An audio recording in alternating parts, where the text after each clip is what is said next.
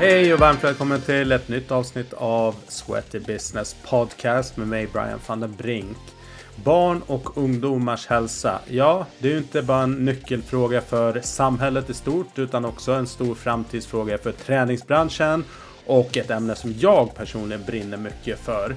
Därför känns det fantastiskt kul att bjuda in och prata med Carolina Klyft som är verksamhetschef på Generation PEP, organisationen som arbetar för att ena människor, organisationer och företag för att tillsammans underlätta för alla barn och ungdomar att leva ett hälsosamt liv. Carolina själv är ju en av Sveriges främsta friidrottare genom tiderna, har arbetat som projektledare inom organisationen sedan 2016 och eh, 2019 tog hon klivet in som verksamhetschef. God lyssning!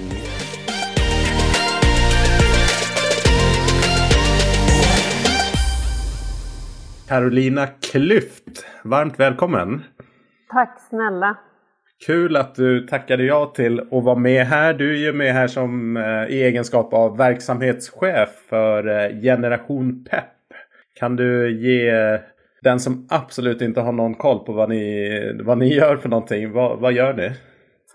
Vi är en icke vinstdrivande organisation som grundades 2016 av kronprinsessparet för att helt enkelt arbeta främjande med barn och ungas hälsa med fokus på fysisk aktivitet och kostvanor.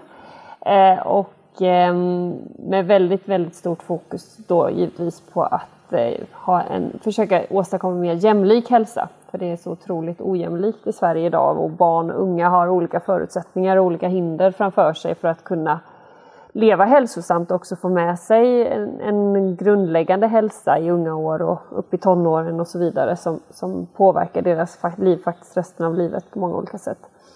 Så vi försöker främja det och vi arbetar med samhället väldigt brett. Vi arbetar både med såklart inspiration och, och vägledning och, och, och sådana saker till, till kanske individer, men vi jobbar framförallt utifrån ett samhällsperspektiv, försöka skapa någon form av systemförändring där vi Eh, ha de här bitarna mer grundläggande i vårt samhälle så att det inte landar ner i, i eh, att varje individ ska bära ansvaret. Det är klart att man alltid har ett eget ansvar som, som enskild individ men, men eh, vi ställs ibland inför val som vi inte kan påverka. Vi, vi finns ibland i, i miljöer och under förutsättningar som vi inte heller kan påverka och det gäller också framförallt barn och unga som Eh, Eh, därför ska få bättre förutsättningar. Att, alldeles oavsett vad man har för socioekonomisk bakgrund eller förutsättningar eller vad man, vad ens, vilken utbildning ens föräldrar har eller om man är kille eller tjej eller om man har en funktionsvariation eller vad den kan vara så ska man ha möjlighet att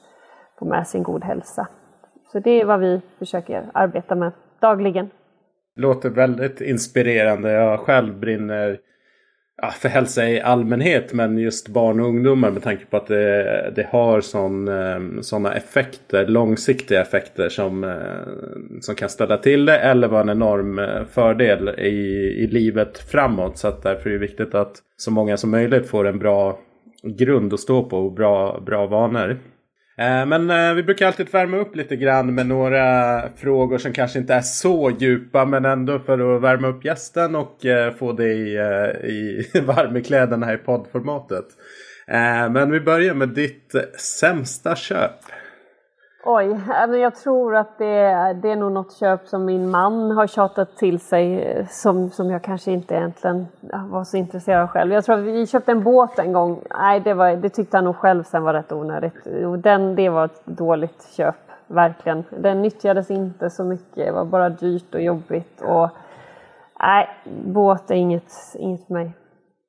Nej, jag brukar ofta landa i prylar här när folk eh eh, kommentera det här. Eh, men om vi vänder på det, din, eh, ditt bästa köp eller investering? Ja, alltså om det inte behöver vara ett liksom, köp på det sättet, monetärt köp, då är det ju, eh, om man bara tänker investering på det sättet, så är det väl att investera i, eh, i min hälsa då kan man säga, eller liksom i, i att eh, både fysiskt och mentalt, att, så att mig själv och mina nära och kära. Den tiden, att ta den tiden, är väl väl investerat på många sätt. Ehm, även om det ibland kan vara svårt att få in och prioritera när vardagen rullar på. Absolut, det kan man känna igen. Eh, det här gör mig förbannad. Orättvisor. Om du skulle få obegränsat med pengar till ett projekt eller ändamål, vad skulle du göra då? Ja, men då skulle jag ju satsa ännu mer på den här frågan tror jag och försöka verkligen eh, skapa eh, ännu bättre förutsättningar för att eh, få, få ett hållbart samhälle, tror jag. Eh, investera i, i unga ledare kanske, eh, unga människor, ge dem liksom framtidstro, framtidshopp, ehm, känna att de kan ja, bestämma saker i sitt liv och känna att man har liksom, möjlighet att påverka sitt liv och, och eh, ja, helt enkelt drömma om en, en, en framtid och, och, kunna sätta upp planer för framtiden. Och det, och det tror jag man skulle kunna göra med pengar faktiskt. Sen behöver det inte bara handla om pengar för att det är väldigt mycket handlar om engagemang och att se människor, att mötas och sådär. Så det är inte bara pengar som löser det men jag tror ändå att vi skulle kunna stötta en hel del verksamheter där ute som gör fantastiska insatser på även med, med ekonomiskt stöd som skulle kunna göra att de skulle kunna växla upp och göra kanske ett ännu bättre arbete. Japp. En app som du använder mycket? Eh, en app som jag använder mycket? Det är väl liksom, ja men den appen man använder mest är ju typ mail-appen. Det är ju lite tragiskt men Eh, så är det nog. Eh, jag, använder, jag reser rätt mycket med tåg. Jag använder SJs app väldigt mycket. Sen blir det ju Swish och som BankID och sådana grejer som man också använder mycket som handlar mer om att få livet att funka. Och sen använder jag rätt mycket när jag reser och så med tåg så använder jag nog Netflix och sådana här alltså streamingappar ganska mycket också för att koppla av mellan varven. Mm. Så praktikaliteter och lite nöje. Ja, exakt. Eh, favoritträningsform? Friidrottsträning eh, av olika slag. Friidrottsfys som jag har gjort väldigt mycket. Det kan vara allt från backträning till eh, skivstångsträning till hopp, små hopp eller sådär. Alltså sån friidrottsfys som jag gjorde mycket som friidrottare blir fortfarande en, en riktig favorit hos mig. Här gick det åt helsike. Jo, men jag skulle lägga in en, en, eh, matta för inte så länge sedan. Det är i alla fall senast jag kommer ihåg som gick åt helsike när jag skulle liksom skära ut den här mattan. Eh, och sen ska liksom, jag gör först en mall och sen så blir det helt fel och så blir det spegelvänt och så får jag liksom göra om alltihop. Eh, det var, ja, då var jag riktigt arg på mig själv. Nu gick det verkligen åt helsike. Men det löste sig till slut. Men jag var oerhört besviken över att jag inte tänkte till lite bättre. eh, ditt bästa tips för återhämtning? Ja, tid för eh, reflektion tror jag. Att ibland få stanna upp. Det behöver inte vara så länge men, men stanna upp emellanåt eh, på något sätt. Det kan vara med en, träna en stund, det skulle kunna vara eh, lyssna på en låt, det skulle kunna vara en middag med bästa vännerna. Men alltså tid för reflektion och, och att låta, låta tiden gå långsamt och inte liksom, vara på väg hela tiden. Så ehm, det är väl, det tycker jag är väldigt återhämtande för mig. Mm. Det känns också som eh, allt ska gå så himla snabbt. Det kan jag säga också i träningsbranschen. Mycket trender kring det ska vara snabbt och effektivt och kortare och kortare pass. Eh, jag tror Netflix mm. har någon funktion man kan kolla på 1,25 gånger hastigheten. Så att man har liksom inte ens tid att se, se en serie eller ett avsnitt i realtid. Utan det ska, gå, det ska gå snabbare än så. Ja, det är tragiskt.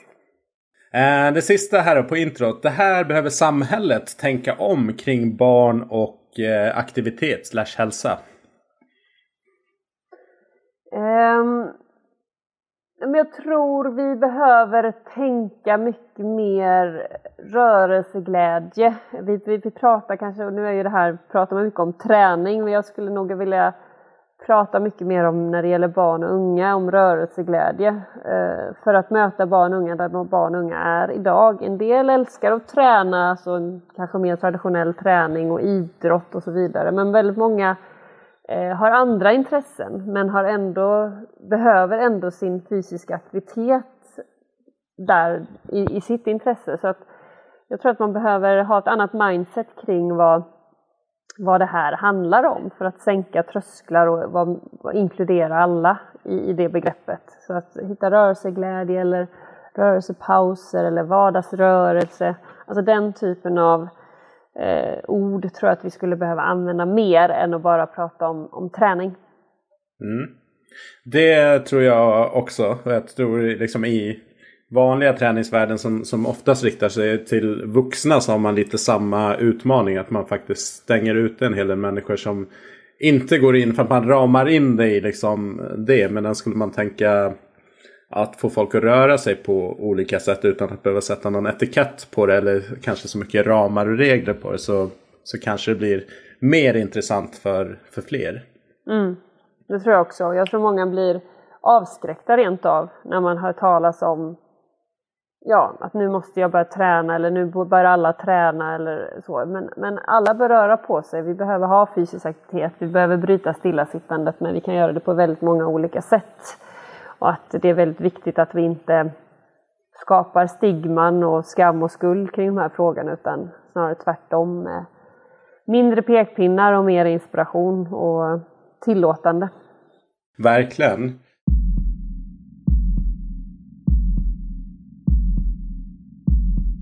Men du, eh, du är engagerad i Generation Pep sedan många år och eh, sedan verksamhetschef sedan 2019. Vad, vad drog dig in i organisationen från första början och sen vidare in i, i rollen som du har nu? Vad var det du gick igång på?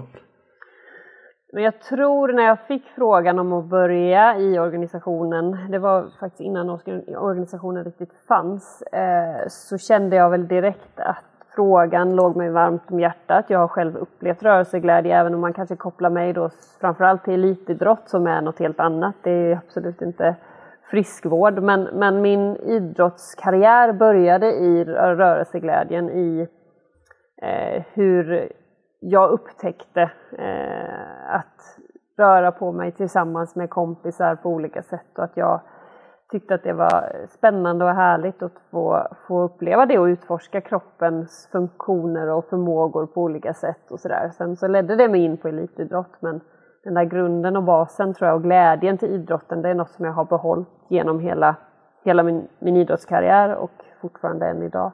Så jag kände ganska snabbt att de här frågorna låg mig varmt om hjärtat och att jag trodde att jag definitivt kunde göra en insats och att jag kände att det var något som jag var väldigt motiverad för att göra. Eh, och sen att gå upp och bli, bli chef då efter några år eh, var väl också något som jag kände eh, ett, ett, en stor tacksamhet och en stor, ett stort förtroende som jag ändå ville försöka förvalta och eh, göra på, på bästa sätt eh, utifrån mina förutsättningar och, och, att kunna jobba med det här fantastiska teamet och, och de människor som vi har runt omkring eh, vår organisation, inte bara vi som arbetar utan också partners och eh, styrgrupp och engagerade eh, personer och, och, företag och organisationer och skolor och förskolor, alla de här som finns. Eh, det är verkligen en ynnest att få möjligheten att få leda det här arbetet och, och göra det tillsammans med, med många andra. Så det känns jättekul. Så det var stimulerande och spännande helt enkelt. Mm, jag förstår det.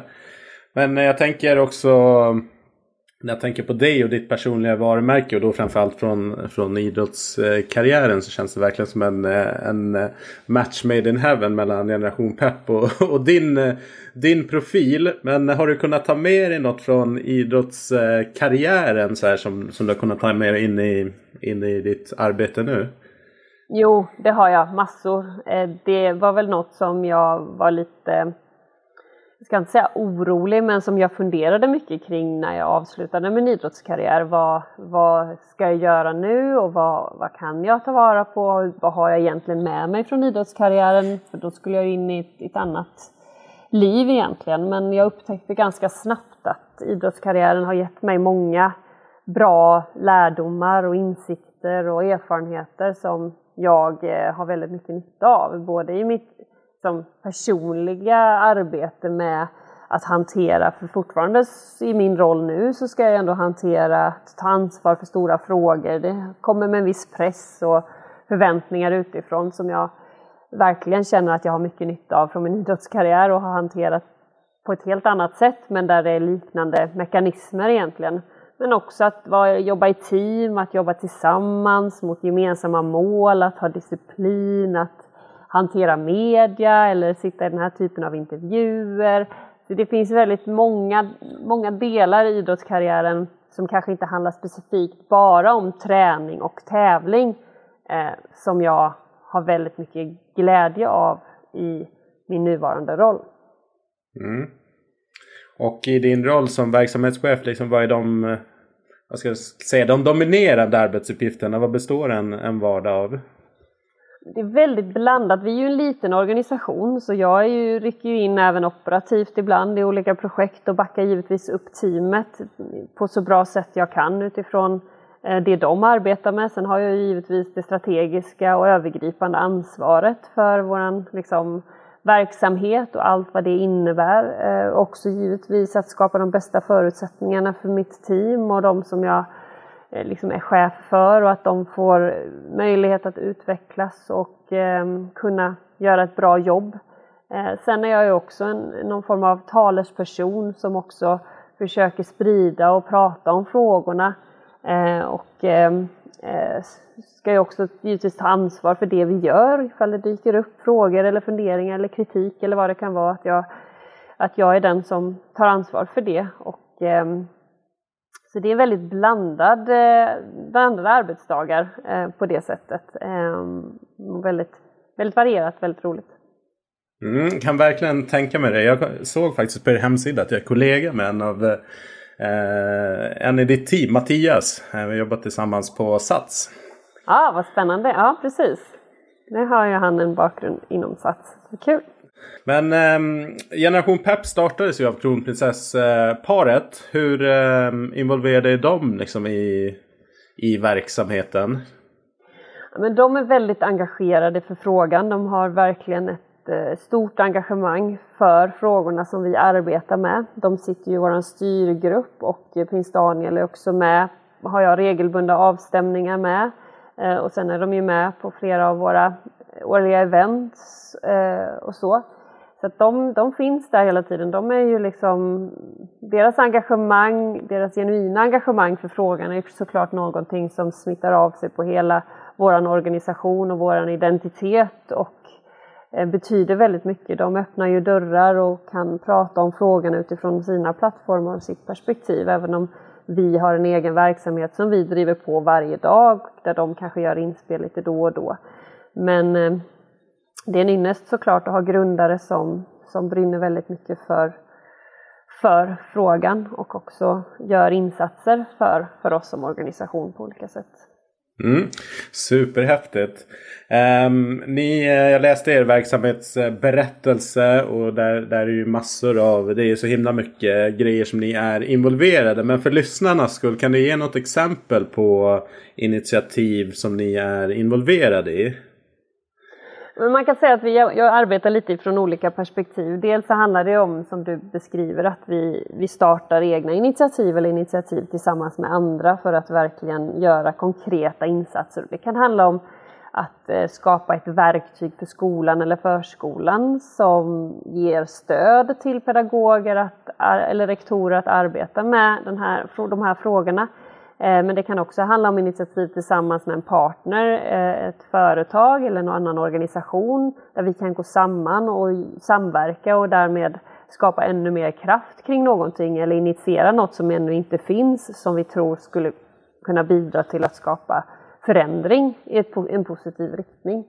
Eh, och där har vi bland annat haft ett samarbete med exempelvis Synsam som har delat ut över 30 000 aktivitetsglasögon gratis till barn mellan 5 och 12 år för att man inte ska hämmas av sitt synproblem när man eh, är ute och vill röra på sig utan att man har ett par extra mycket tåligare glasögon till exempel med sin då slipat i sin styrka för, för att underlätta till fysisk aktivitet. Det är ett exempel men vi har också gjort en, en ett samverkansinitiativ tillsammans med Fritidsbanken som, delar ut, eh, som lånar ut eh, fritidsaktiviteter som ett bibliotek för frit, idrott och fritidsprodukter av olika slag där vi har gjort en sommarturné nu två år i rad tillsammans som de framförallt har genomfört och gjort men där vi också varit med och kunnat ge extra skjuts i det, i det och där det har lånats ut enormt mycket fritidsprylar under de här somrarna som har gått. Så det kan vara ett annat exempel.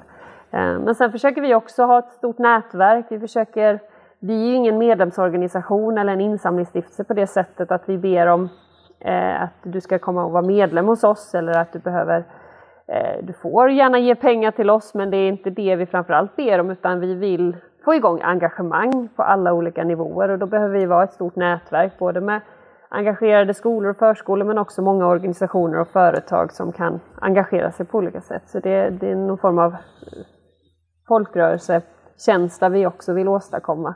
Och sen försöker vi också givetvis då vara en röst för frågan, att se till så att frågorna hamnar högre upp på olika eh, agendor och olika beslutsfattares agendor inom, eh, inom arenor och samhällsområden eh, där vi vet att man kan skapa bättre förutsättningar för de här frågorna. Eh, och där vi också behöver lyfta kunskapsnivån, eh, kanske ibland och Eh, också bidra med eh, konkreta exempel på hur man kan förbättra eh, det här arbetet. Mm. Ja, superhäftigt att se spänn, eh, spännvidden och ja, det syns ju ganska mycket sådär i media när det kommer till de här frågorna. Så att, och det känns som att det blir mer och mer för varje år som går. Någon slags snöbollseffekt rullar på. Men om vi Summar ut liksom till generell så här samhällsnivå ehm, barn och ungdomshälsa. Man ser ju en massa statistik som, som florerar och det mesta verkar ju peka mot att det blir eh, sämre och sämre på generell basis. Att vi barn och ungdomar rör sig mindre, även vuxna. Eh, men eh, från ert perspektiv, hur, hur ser det ut? Liksom? Kan man bena ut det här Jo, men det kommer ju mycket studier. Det finns en hel del kunskap redan och det görs många studier i detta nu också där man tittar på eh, också sambanden mellan fysisk aktivitet till exempel och kognitiv förmåga hos skolbarn som GH gör en stor studie kring och så vidare. Så det finns mycket och det man kan säga generellt sett är att, att många av de här studierna pekar åt samma håll, att vi har en minskad fysisk aktivitet generellt, både bland barn och vuxna. Eh, att vi liksom tar färre steg idag än vad vi gjorde för eh, bara 20 år sedan så har det gått liksom negativt. Vi ser till exempel att aktiva transporter till och från skolan har halverats sedan eh, 80-talet. Vi ser att eh, andelen med övervikt och fetma har ökat bland 11 till 15-åringar skolbarn i Sverige. Där har skett en fördubbling av andelen med övervikt eh, och fetma från läsåren 89-90 till 2017-2018. Eh, så det är, liksom, det är en, en, eh, en, ökad ohälsa bland många av våra barn och unga. Vi ser ju också att många barn och unga idag mår psykiskt dåligt. Eh, så att det är ju många som upplever en, en, en vardag som kan vara ganska svår och jobbig. Sen vet vi inte, kan vi inte säga exakt att det beror bara på fysisk aktivitet utan det är många parametrar som spelar in i hur man mår men vi vet att fysisk aktivitet till exempel och matvanor för den delen påverkar hur du mår och ditt välbefinnande. Ehm, det kan vi se ganska tydligt. Vi ser också hur, hur utbud av ohälsosamma produkter har ökat i antal men också vuxit i, i storlek och där vi också ser att billigare eller liksom ohälsosamma produkter är billigare relativt sett och har blivit billigare om man jämför med till exempel frukt och grönt som relativt sett har blivit dyrare.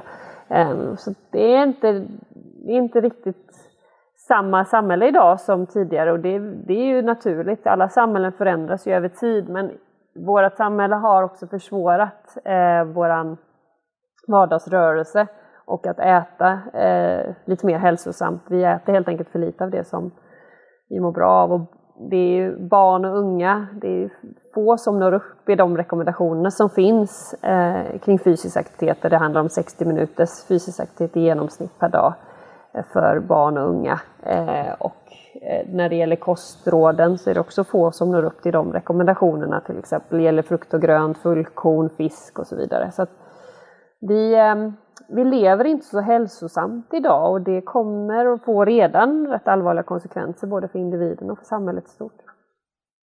Ja, nej, verkligen. Och precis som du säger, det är en oerhört komplex utmaning med tanke på att det beror på så många olika faktorer. Eh, och från träning och aktivitetshåll så kan man ju bara jobba med att försöka främja det och liksom utbilda och, och så. Vad skulle du säga är liksom de största bovarna här kring att vi inte um, får till den här rörelsen? Uh, om man skulle liksom attackera några elefanter här som, som, som du skulle vilja peta på, vad skulle det vara? Det är klart att det inte går att undvika att säga att skärmar, eh, skärmtid, eh, både för barn och vuxna, är en stor utmanare om vår tid. Eh, så är det ju. Sen är det, underlättar det också våra liv på väldigt många sätt. Men det finns en baksida. Eh, flera baksidor om vi ska vara riktigt ärliga med, med internet och eh, skärmtid eh, och skärmar på det sättet. Och, det handlar ju inte om att vi, varken vi på eh, Generation Pep eller på eh, liksom andra pratar om att vi ska liksom förbjuda, men vi kanske behöver prata om hur vi ska hantera eh, skärmar för att det ändå då finns den här baksidan om att vi blir rätt så stillasittande.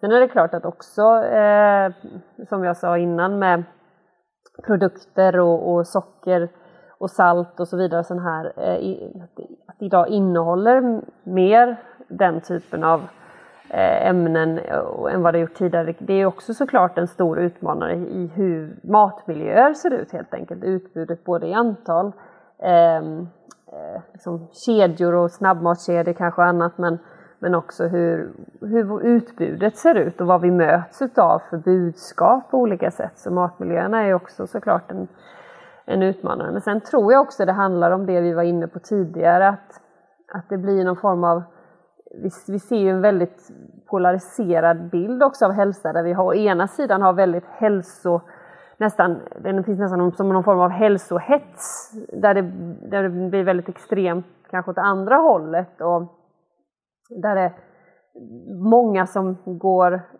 åt den riktningen och så är det en del som hamnar eh, liksom, som inte har förutsättningar eller möjlighet kanske överhuvudtaget så att det blir väldigt, det blir den här hälsoklyftan som kan också bli ganska problematisk i vad vi har för typ av samhällsklimat eh, och samhällsfilosofi kring de här frågorna. Att det, blir, kan, det kan bli lätt bli eh, stigmatiserande och det kan också bli väldigt polariserat så att man eh, det blir som, som i övriga samhället med andra samhällsfrågor, att det blir ett problem om vi om vi hela tiden är dömande och vi eh, tycker att det, det är de där som är si eller det är de som är så. Det här handlar liksom om demokratiska frågor, att alla har rätt och alla barn har rätt till en god hälsa och, och att vi river bort de hindren som finns i vägen för det. Det är liksom en skam nästan, tycker jag, eh, för Sverige att inte vi kan leverera på den punkten på ett bättre sätt eh, när vi ändå har förutsättningarna för det.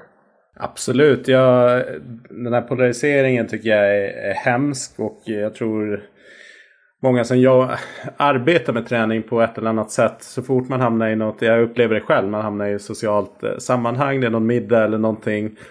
Så börjar folk skruva på sig direkt. Det ska fram, ja men är det här okej? Okay? Är det här? Så det blir nästan så att jag lägger ingen värdering i vad du äter. Du får ju äta vad du känner för liksom. Men, mm. men det blir nästan direkt så här att ja, lite dåligt samvete kommer, kommer fram. Och mm. sen eh, vidare på det att jag upplever att många jagar man jagar genvägarna istället för att göra grunden. Alltså att äta en vettig kost och dricka bra grejer och röra på sig liksom. Och det är inte överdrivna råd från WHO eller liknande som det är liksom helt görbart för de, för de flesta. Men istället för att göra det eh, och folk brukar fråga sig, ja men du brukar prata om bra mat. Och säga, ja men laga maten från, från grunden till att börja med. Då kommer du undan väldigt mycket av det du är inne på. Det med, med salt och socker och andra till, tillägg som är onödiga. Men man letar liksom, ja men blir det bra om jag käkar den här broccolin? Man bara, jo men fast om allt annat du äter är skräp så spelar inte det,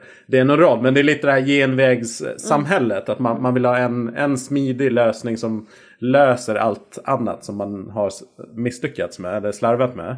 Ja, och det är väl den här balansen som det blir antingen åt ena eller andra hållet och det, är, det, är det som det finns utrymme för absolut eh, något onyttigt och så vidare. Att vi, det handlar ju om balansen över tid och att vi, liksom, det finns också utrymme för att sitta titta på film eller sitta framför en skärm. Liksom. Det är ju det är inte det, utan det handlar bara om att hitta en balans och det där har vi väldigt svårt för ibland. Vi vill liksom, som du säger, vi vill bara ha ett färdigt koncept, men eh, hela livet går ut på att lära känna sig själv och sin omgivning, sina barn eller vad det handlar om och då måste man hitta liksom balans i saker och ting och förstå i, i vad man mår bra i. Och det, det ser ju såklart olika ut. Vi är alla individer och vi har olika intressen och vi har olika, men när det handlar om hälsa så finns det ändå liksom någon form av där all forskning, eller majoriteten av forskningen, jag ska inte säga all forskning för det är inte sant, men den tunga majoriteten av forskningen säger ändå saker som inte behöver vara så himla eh, avancerat eller tvetydigt eller svårt att förstå utan vardagsrörelse, eh, röra på sig regelbundet, bryta stillasittandet ibland om man kan, Eh, äta regelbundet och eh, varierat eh, och kanske inte eh, fylla det med, med tomma kolhydrater eller tomma kalorier ska jag säga, varje, varje dag utan försöka ha en balans i det och unna sig ja, men lite då och då. Ehm, och det där är, det är egentligen inte som du säger så himla svårt men det är ett samhälle som inte underlättar den typen av tänk kanske och vi har faktiskt för en hel del i vårt land som det är väldigt svårt för. För att man, ja man kanske vill att barnen ska gå på en fysisk aktivitet men man har faktiskt inte råd. Eller det finns inte ens en förening i, i området där man bor eller i byn där man finns eller vad det nu är. Så det, vi måste också prata om, om vi lyfter det, det du och jag pratar om nu kanske är på individnivå, men om vi lyfter det från individnivå för att inte fastna där att här, men alla kan nog göra, jo men alla kan absolut lära sig att ta ansvar och så. Men många står utanför för att vi har ett samhälle och en samhällsstruktur som eh, inte underlättar. Och då kan man faktiskt vara så att även fast man vill så går det inte. För att du inte har råd eller du har inte, det finns inga tillfällen, det finns ingen förening, det finns ingen tid i hallen eller det finns inte en, en grönområde i närheten, den lekparken som finns är förfallen, det finns inte en trygg gård att gå ut på för att du känner inte dig trygg att släppa ut dina barn. Alltså det finns en massa sådana här hinder i vägen som vi inte får glömma i detta. Det är därför vi hela tiden försöker lyfta det från ett individperspektiv upp på en samhällsnivå för att förstå att ansvaret ligger också högre upp.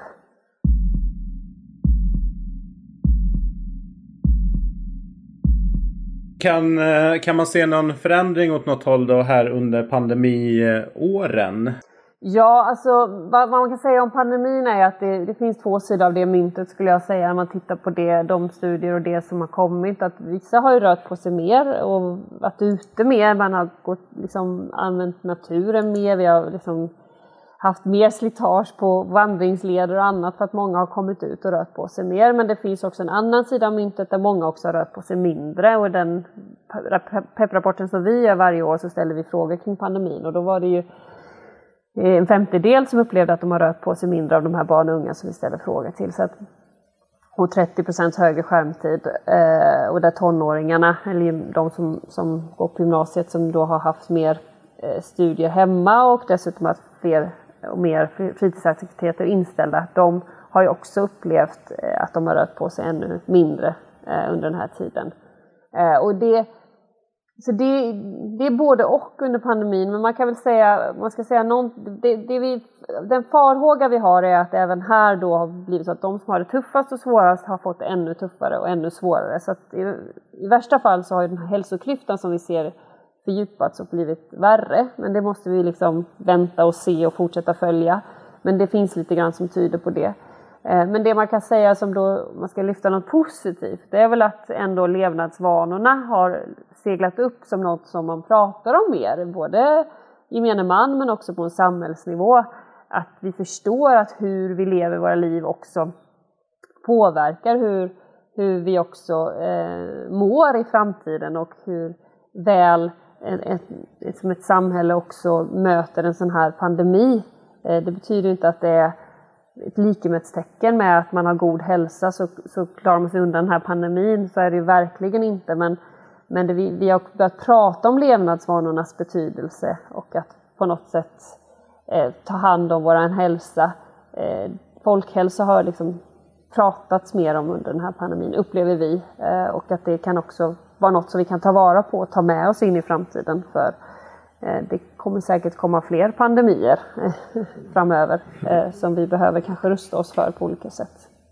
Absolut och se ur eh, gymmen och träningscenter så börjar komma fram lite spännande koncept där man breddar kanske också vad man pysslar med. Att det blir mer livsstilskoncept. Man går mer åt återhämtning och stresshantering. Så det blir liksom inte bara puls och flås och, och muskler. Liksom. Så att jag tror att det är också en effekt av pandemin. Att efterfrågan kring att få hjälp med, eh, med sin livsstil, att få ordning och balans i, i livet. Att den typen av eh, frågor hamnar högre upp på människors agenda helt mm, enkelt. Mm, absolut, absolut. Men det här med digitalisering då, tror du att det är något som kan vara med och hjälpa mycket av det som ni arbetar med och främjar? Eller ska man inte ha för stor tilltro till det? Jag tror inte att digitaliseringen är, är, är, den enda lösningen och jag tror också att det finns utmaningar med digitaliseringen som jag var inne på att det är också förknippat eller kan, kan faktiskt handla om mer stillasittande. Däremot så finns det ju väldigt mycket nu pratar vi om den stillasittande skärmtiden vill jag ju påpeka. Det finns ju väldigt mycket aktiv skärmtid man kan göra också.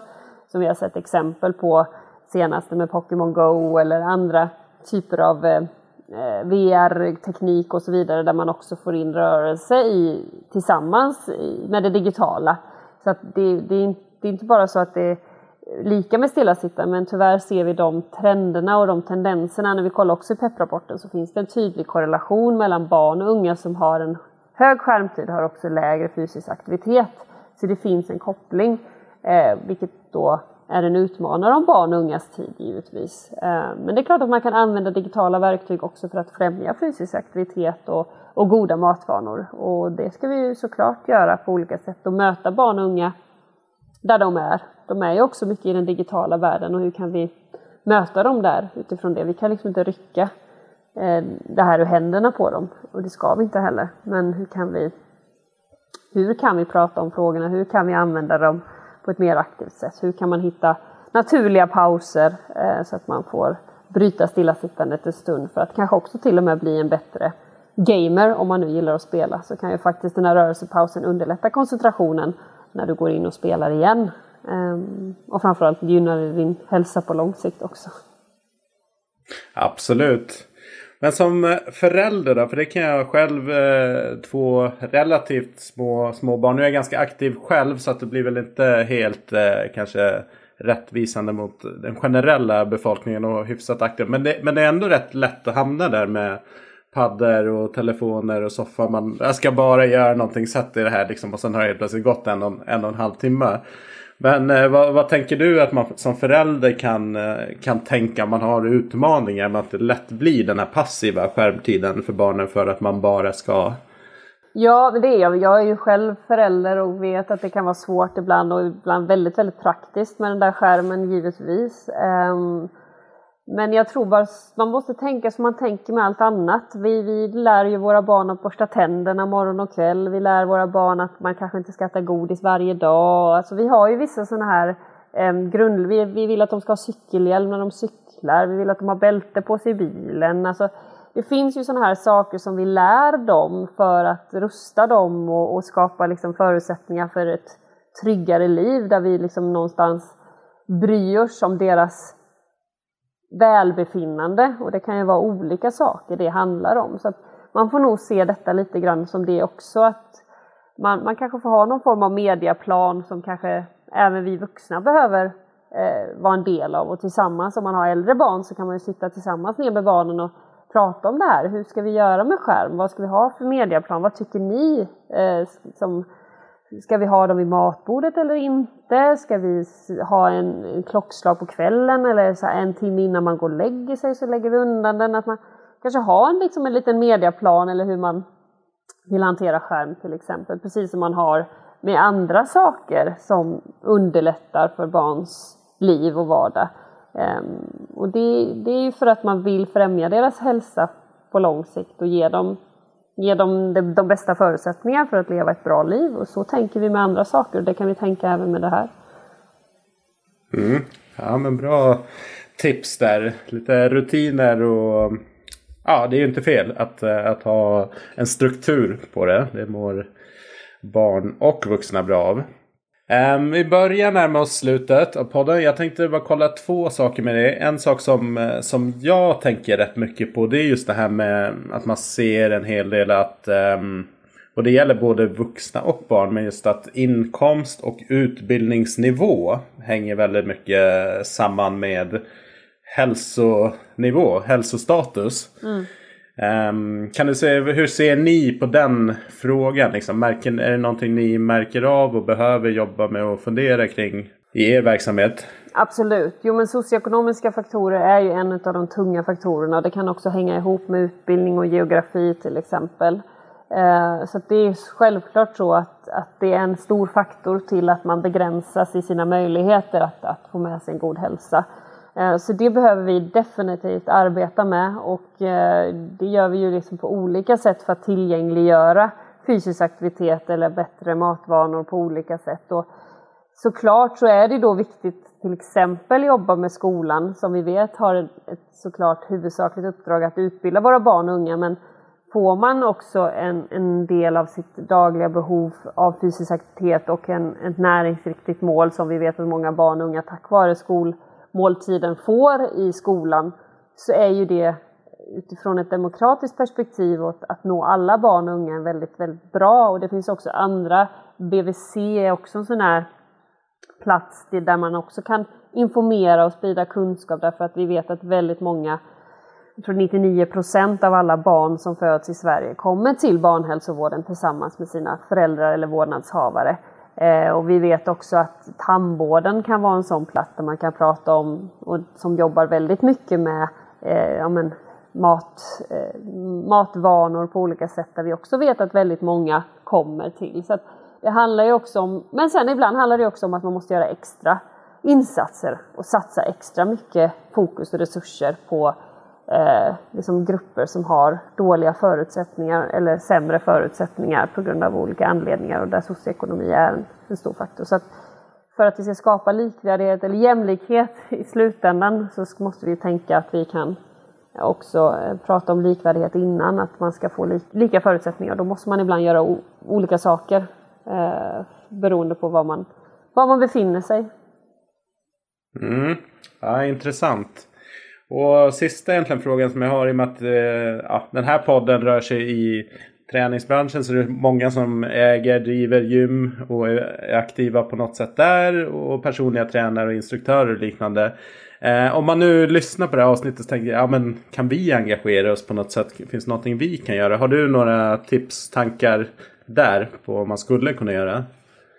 Ja, absolut. Nej, men jag tycker vi, det, det, är ju en del gym som gör det, bland annat sänka åldersgränsen. Det tror jag är bra. Titta på att man i, i bra olika former kan låta yngre eh, barn eller unga att, att träna i en, den typen av verksamhet. Vi vet till exempel många unga tonårstjejer som är de som är mest stillasittande. att Man kan uppleva det som väldigt, om man inte då har en plats inom idrottsrörelsen och tycker att det är speciellt kul att spela matcher eller gå in i ett tabellsystem när man blir, kommer upp i tonåren och så slutar man med sin idrott så upplever man det som ganska liksom, få alternativ till vad ska jag göra nu? Därför att man kanske då är för ung för att gå på gym eller man eh, tycker inte att det är jättekul att vara på utegym eller gå ut och träna själv utan man vill ha ett sammanhang. Så där tänker jag att man kan göra mycket, att skapa liksom, trygga platser under speciella tider eller till och med bjuda in tjejgrupper eller killgrupper för den delen. Man kan komma och träna tillsammans och känna att man eh, kan komma dit och träna utifrån sina förutsättningar eller röra på sig. Alltså det tror jag definitivt att man kan göra eh, och göra extra satsningar gentemot unga människor. För jag tror att eh, gör man inte det heller inom gymbranschen så kommer man är inte man med och engagerar sig i frågan om barn och unga så kommer man inte ha några kunder. Man kommer till färre kunder i framtiden i alla fall. Så det handlar ju mer om att man måste göra det, även om man inte vill göra det för att man tycker, ja, man kanske känner att man har nog med det man gör, men man kommer ju ändå stå där sen med en hel del mindre eller färre i kundgruppen om man inte engagerar sig för barn och unga. Så jag tror att man kan göra det på olika sätt. Och också stötta andra projekt givetvis och stötta, eh, vara med och påverka mindsetet för att eh, barn och unga ska hitta till fysisk aktivitet och rörelseglädje och så småningom, kanske när de blir äldre och i vuxen ålder, hitta till, till gym och andra eh, ställen där det faktiskt finns eh, mycket att välja på. Men även där har man nog en resa att göra när det gäller. Det kan också upplevas dyrt och svårtillgängligt med gym. Där kan man säkert också göra insatser för att ibland tillgängliggöra det på vissa tider eller dagar eller erbjuda, eh, prova på aktiviteter och så vidare. Ja, nej, det finns absolut mycket att göra. Det finns en del bra exempel som jobbar bra och i sina communities lokalt. Men eh, generellt sett så står ju men alltså de tiderna som skulle kunna funka bra för barn och ungdomar så är det oftast inte så mycket tryck på eh, med vuxna som är där. Så att det, det, är ändå ett bra komplement som skulle kunna, kunna vara görbart eh, att få in mm. på olika sätt. Mm. Härligt! Då Eh, jag skulle vilja avsluta med att tacka dig för att du tog dig tid och var med här i, i podden och dela med dig lite av det ni gör inom er verksamhet. Och ja, kanske sprida lite inspiration till eh, de som lyssnar på den här podden att äh, agera eller göra någonting äh, utifrån där de står helt enkelt. Mm. Tusen tack för att jag fick vara med. Ja, och eh, avslutningen är ju en fråga också. Det är en eh, låt som vi ska gå ut avsnittet till. Eh, så har du någon låt som symboliserar dig eller Generation Pep eller allmänt så här boost-låt? Ja, gud vad bra fråga. Eh, ja, en låt vi ska gå ut på. Jag vet inte om vi ska ta mig eller Generation Pep. Eh, det finns ju en låt som heter Pepp. Eh, som en, som, där de, de finns med i vårt nätverk som de har gjort. Eh, som, som är väldigt peppig. Eh, verkligen om man vill ha det. Men jag tänker att vi kanske skrämmer bort lite folk också om vi är för peppiga.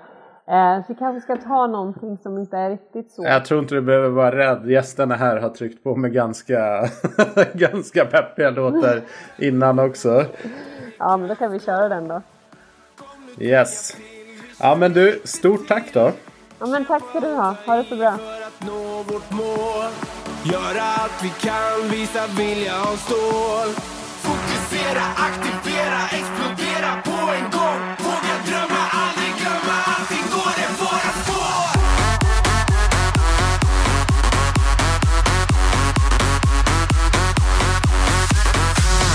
kroppen, aldrig still Rör på kroppen, lite dj hold